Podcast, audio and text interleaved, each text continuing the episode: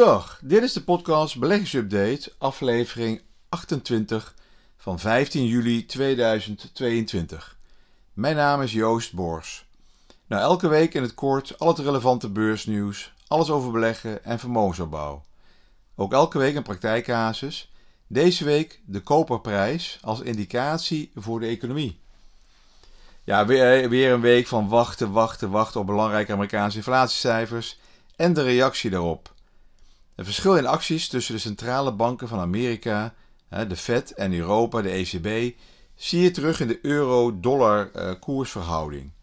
De euro is de afgelopen zes maanden flink gedaald. Dus deze week hebben we een euro-dollar uh, probleem. In, in alle kranten. Uh, het woord recessie wordt vaak genoemd. Inflatie wordt vaak genoemd. Recessie, wel geen recessie, wel recessie. Nou, het zijn allemaal problemen, angsten en andere dingen.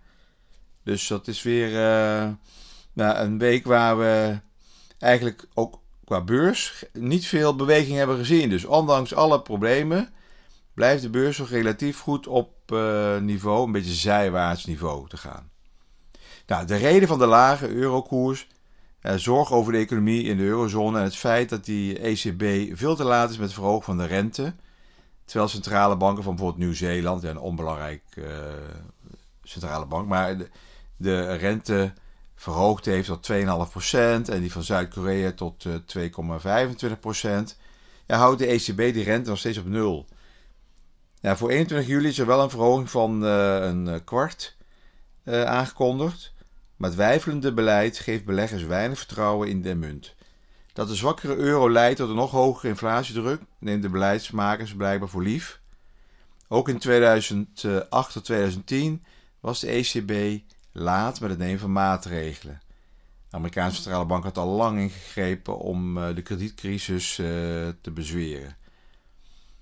Nou, ik denk dat ze, ik, denk dat ze nu weer uh, bang zijn dat Italianen, Spanjaarden en Grieken problemen krijgen als die rente in Europa te snel verhoogd worden. Want dat betekent dat de rentelasten gaan toenemen in de genoemde landen. Oké, okay, nou het eerste half jaar is weer uh, voorbij. Hè? We zitten nu uh, in juli 2022. Daarom is ook weer de tijd aangebroken voor bedrijven om hun cijfers over het tweede kwartaal of over het eerste half jaar te rapporteren. In onzekere markten zoals die waarin we ons nu bevinden, zie je vaak heftige schommelingen in koersen na kwartaalrapportages. denk bijvoorbeeld aan Netflix een paar maanden geleden, dat voorkwartaal daalde gewoon 40% in één avond. Maar positieve verrassingen met grote prijsstijgingen zijn net zo goed mogelijk. Hè? Dus in de eerste kwartaal waren de resultaten in meer dan 70% van de gevallen boven de verwachting van analisten. Analisten zullen nu ook wel een beetje aan de lippen hangen van bestuurders om te peilen hoe bedrijven worden aangetast door de factoren die de markt in hun greep houden. Denk aan inflatie, economische groei, wel of geen recessie. En ook de valutaontwikkelingen. Ze zullen bijvoorbeeld willen weten hoe bedrijven omgaan met inflatie. Hebben hoge energiekosten en stijgende lonen al impact op de winstmarges? Kunnen ze die kosten doorberekenen naar de consument?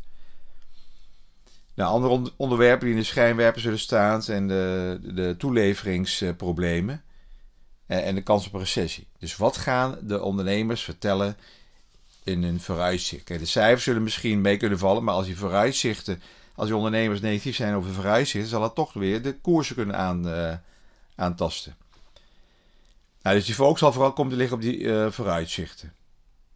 Met de heersende recessieangst zullen beleggers naar signalen zoeken die een indicatie kunnen geven of een krimp in de economische groei aanstaande is. Cijfers en vooruitzichten van vooral banken, energieproducenten, chipfabrikanten en uh, retailers staan daarom extra in de belangstelling. Een indicator, een, een uh, indicator die door korttermijn handelaren uh, veel gebruikt wordt om de temperatuur van de economie te peilen, is de prijsontwikkeling van koper. Er is een sterke correlatie tussen de koperprijs en de Amerikaanse aandelenindex, de SP 500. De koperprijs uh, is begonnen, begonnen met een daling en daarna volgt ook die SP 500. Nou, dit blijkt ook in de historie het geval te zijn. Kijk maar naar de grafieken van daling in periodes 1999, 2001, 2008, 2010, 2018 en in 2020. Het geldt ook omgekeerd bij stijgingen. Koper is dus gevoelig voor economische verandering en op dit moment kan je dus aan de hand van een koperprijs afleiden de economische groei afvlakt of gaat afvlakken. Koper is een van de belangrijkste metalen ter wereld. Elke dag wordt het direct en indirect gebruikt door miljarden mensen over de hele wereld. Bijvoorbeeld wanneer je elektriciteit inschakelt, komt er koper bij te pas. Ja, dit maakt koper van nature een uh, prominent vertrouwd en gebruikt middelpunt van elke opkomende of groeiende industriële economie. Elektrische bedradingen tot sanitair, van radiatoren tot airconditioners.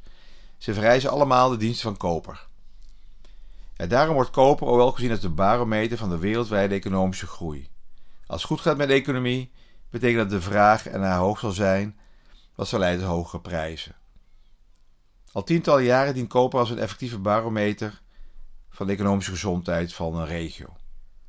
Die, uh, deze verbazingwekkende consistentie van het vermogen om een realistische prognose van de economische vitaliteit van een gebied te meten, is precies eigenlijk waarom financiële analisten en strategen van oudsher al naar koper hebben, hebben gewezen als zijnde Dr. Copper. Ja, Dr. Koper. Nou, zie je, consequent door de decennia heen en over de hele wereld kan men heel effectief dus precies zien waar het allemaal als geheel en een bepaald land economisch naartoe gaat. Simpelweg door naar die prijsontwikkeling van uh, koper te kijken. Dit betekent dat als je het nu hebt over enorme uh, bouwprojecten, infrastructurele vernieuwingen, telecommunicatieaanpassingen, medische technologieën. En of uh, energie, exploratie en opslag, onderzoek. dus eigenlijk is overal dokter Kopper aanwezig.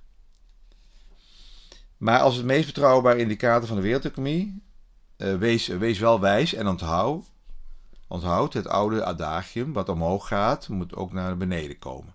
Koper staat erom bekend precies te doen wat de economische omstandigheden eromheen doen. Dus als het financieel geweldig is, is koper weer flink aan het stijgen en zit allemaal hosanna. En als het tegen zit, neemt koper ook een duik. En vaak wordt de productie ernstig teruggeschroefd of volledig stilgelegd totdat de vraag toeneemt.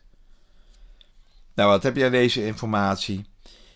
Als je een korttermijnbelegger is, kan je dus die koersgrafieken van koper volgen en kijken of het, uh, het economische plaatje daar een beetje bij uh, past. En dan zie je ook wat de, wat de beurskoersen doen. Maar als belegging is het wel lastig, hè? die goederen, die grondstoffen. is lastig om zelf er iets mee te doen of te kunnen. Hè? Grondstoffen zijn erg onvoorspelbaar en zeer volatiel. Dus geldt niet alleen voor koper, maar ook alle andere grondstoffen de diversiteit in grondstoffen maakt het nog moeilijker om een goede keuze te maken. Er zijn mandjes met grondstoffen gefocust op voeding, vee, varkens, graan, koffie, suiker, maïs. Maar er zijn ook grondstoffen die gericht zijn op industriële eh, zaken zoals ijzer, uranium, zilver, hout, olie, gas en het eerder genoemde koper. Er is maar een selectie. Vaak zijn beleggingsfondsen of uh, indextrekkers samengesteld met een beetje van alles, soms met een iets meer belang in goud en olie. Ja, dus waarom zijn eh, grondstoffen al zo lang zo'n slechte belegging? Het eenvoudige antwoord is dat grondstoffen geen inkomsten genereren, in tegenstelling tot bijvoorbeeld aandelen, die het grootste gedeelte van hun lange termijn rendement genereren uit die herbelegging van dividenden. Het ingewikkelde antwoord is dat grondstoffen eh, uiteindelijk ook niet verdienen om rendement te genereren. Zoals de naam het doet vermoeden, zijn het brokken van de natuur voorkomende materialen. Er moet waarde en kennis aan worden toegevoegd aan grondstoffen voordat het rendement oplevert.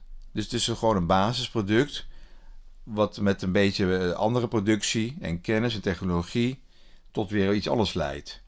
En dat laatste, dat wordt dan weer verkocht aan de consument. Dus op langere termijn keert die prijs van grondstof zelf weer terug naar productiekosten. dat zie je ook bij, uh, bij koper. Naarmate samenlevingen geavanceerd, geavanceerder worden, genereert kennis een steeds hoger, groter rendement dan het basismateriaal. Nou, dus dat is uh, eigenlijk de reden dat, dat het uh, lastig is om te beleggen in, in grondstoffen. Alhoewel iedereen nou denkt van, oh, we hebben inflatie, inflatie. Dus naar die grondstoffen kijken. Nou, je ziet inderdaad de olieprijs stijgen, maar voor het goud doet niks. Nou, er zijn andere producten die enorm gestegen zijn. Terwijl nou wel de inflatiecijfers, hè, ook afgelopen week in Amerika weer naar de 9,2% gingen. Dus weer een historisch hoogtepunt. Maar je ziet al dat de, de grondstoffen, hè, de basisgrondstoffen, allemaal wel wat aan het dalen zijn. Nou ja, dus uh, grondstoffen hebben in de historie ook een lange tijd van dalende prijzen laten zien. Er keren daarna zo geen dividend uit. En voor mij is het meer een korte termijn speculatie dan een lange termijn rendabele belegging. Dus het is gewoon inderdaad heel goed kijken van een juist moment kiezen uh, waarop je denkt van oké, die grondstoffen staan nou heel erg laag. Uh, misschien kan ik er nu instappen. En dan bij een, uh, een, een koerssprong en vaak duurt het 6 tot 12 maanden, dus een korte termijn belegging. Je winst pakken en dan weer wachten een paar jaar tot de grondstoffen weer neerwaarts gegaan zijn. Nou, er zijn een uh, drietal uh, indextrekkers in de grondstoffen die je wel kan volgen. En misschien als je wil wat kan beleggen. Dat is Invesco Bloomberg Commodity ETF. Wisdom Tree All Commodity en iShares Diversified Commodity ETF. Ze hebben een vergelijkbaar rendement over een periode van de afgelopen 5, 6 jaar. Uh, en dit, dit jaar, dus af, afgelopen 12 maanden, hebben ze wel een positief rendement van zo'n 35%. Maar dit komt toch vooral bij de meeste van deze indextrekkers of beleggingsfondsen door de hoeveelheid olie die erin zit, olie en gas. Ja, die hebben het gewoon heel erg, heel erg goed gedaan. Bijvoorbeeld bij Invesco is het ongeveer 40% in olie. Daarom vind ik het heel weinig toevoegen aan je portefeuille. Mocht toch iets willen doen als eh, bescherming voor inflatie, dan eh, beperk je uh, door zo'n 5 à 10% van je totale belegbaar vermogen als je het wil opnemen in deze grondstoffen-indextrekkers. Nou, ik kom even terug weer op koper. De prijs van koper kan je volgen via een indextrekker van Wisdom Tree. Dat is de Wisdom Tree Daily Copper ETF. Ja, nog een indicatie dat sommige beleggingen uh, uh, in prijs kunnen dalen door economische neergang is de prijsindex van vintage luxe horloges, zoals uh, Patek Philippe en Rolexen. Toch is de, de, de index, hè, die Rolex, Daytona's en Submariners omvat, evenals verschillende Patek Philippe's, en de Audemars Piquet Royal Oak horloges. De afgelopen 12 maanden met ongeveer zo'n 30% gestegen. Dat plaatst die tweedehands luxe horloges. Uh, als je kijkt naar een uh, soort top 10 samenstelling van uh, beleggingscategorieën. Voor een hele reeks andere alternatieve investeringsmogelijkheden. Waaronder bijvoorbeeld oldtimers, goud en zeker cryptovaluta's die de afgelopen maanden een, een behoorlijke daling hebben laten zien. Ja, de interesse in, in uh, verzamelbare uh, vintage horloges uh, piekte wel tijdens de coronapandemie. Toen consumenten met contant geld maar thuis vastzaten. En, en toen gingen ze wat geld stoppen in dit soort vintage horloges. Nou, sommige beleggers die, die grote rendementen behaalden in technologieaandelen en cryptovaluta's die eh, namen hun winst daarin en keken naar tweedehands horloges als de volgende ja, hete beleggingsklasse. Dus dat heeft die prijs uh, opgedreven. En nu zie je uh, wat afvlakking, consolidatie en een lichte neergang.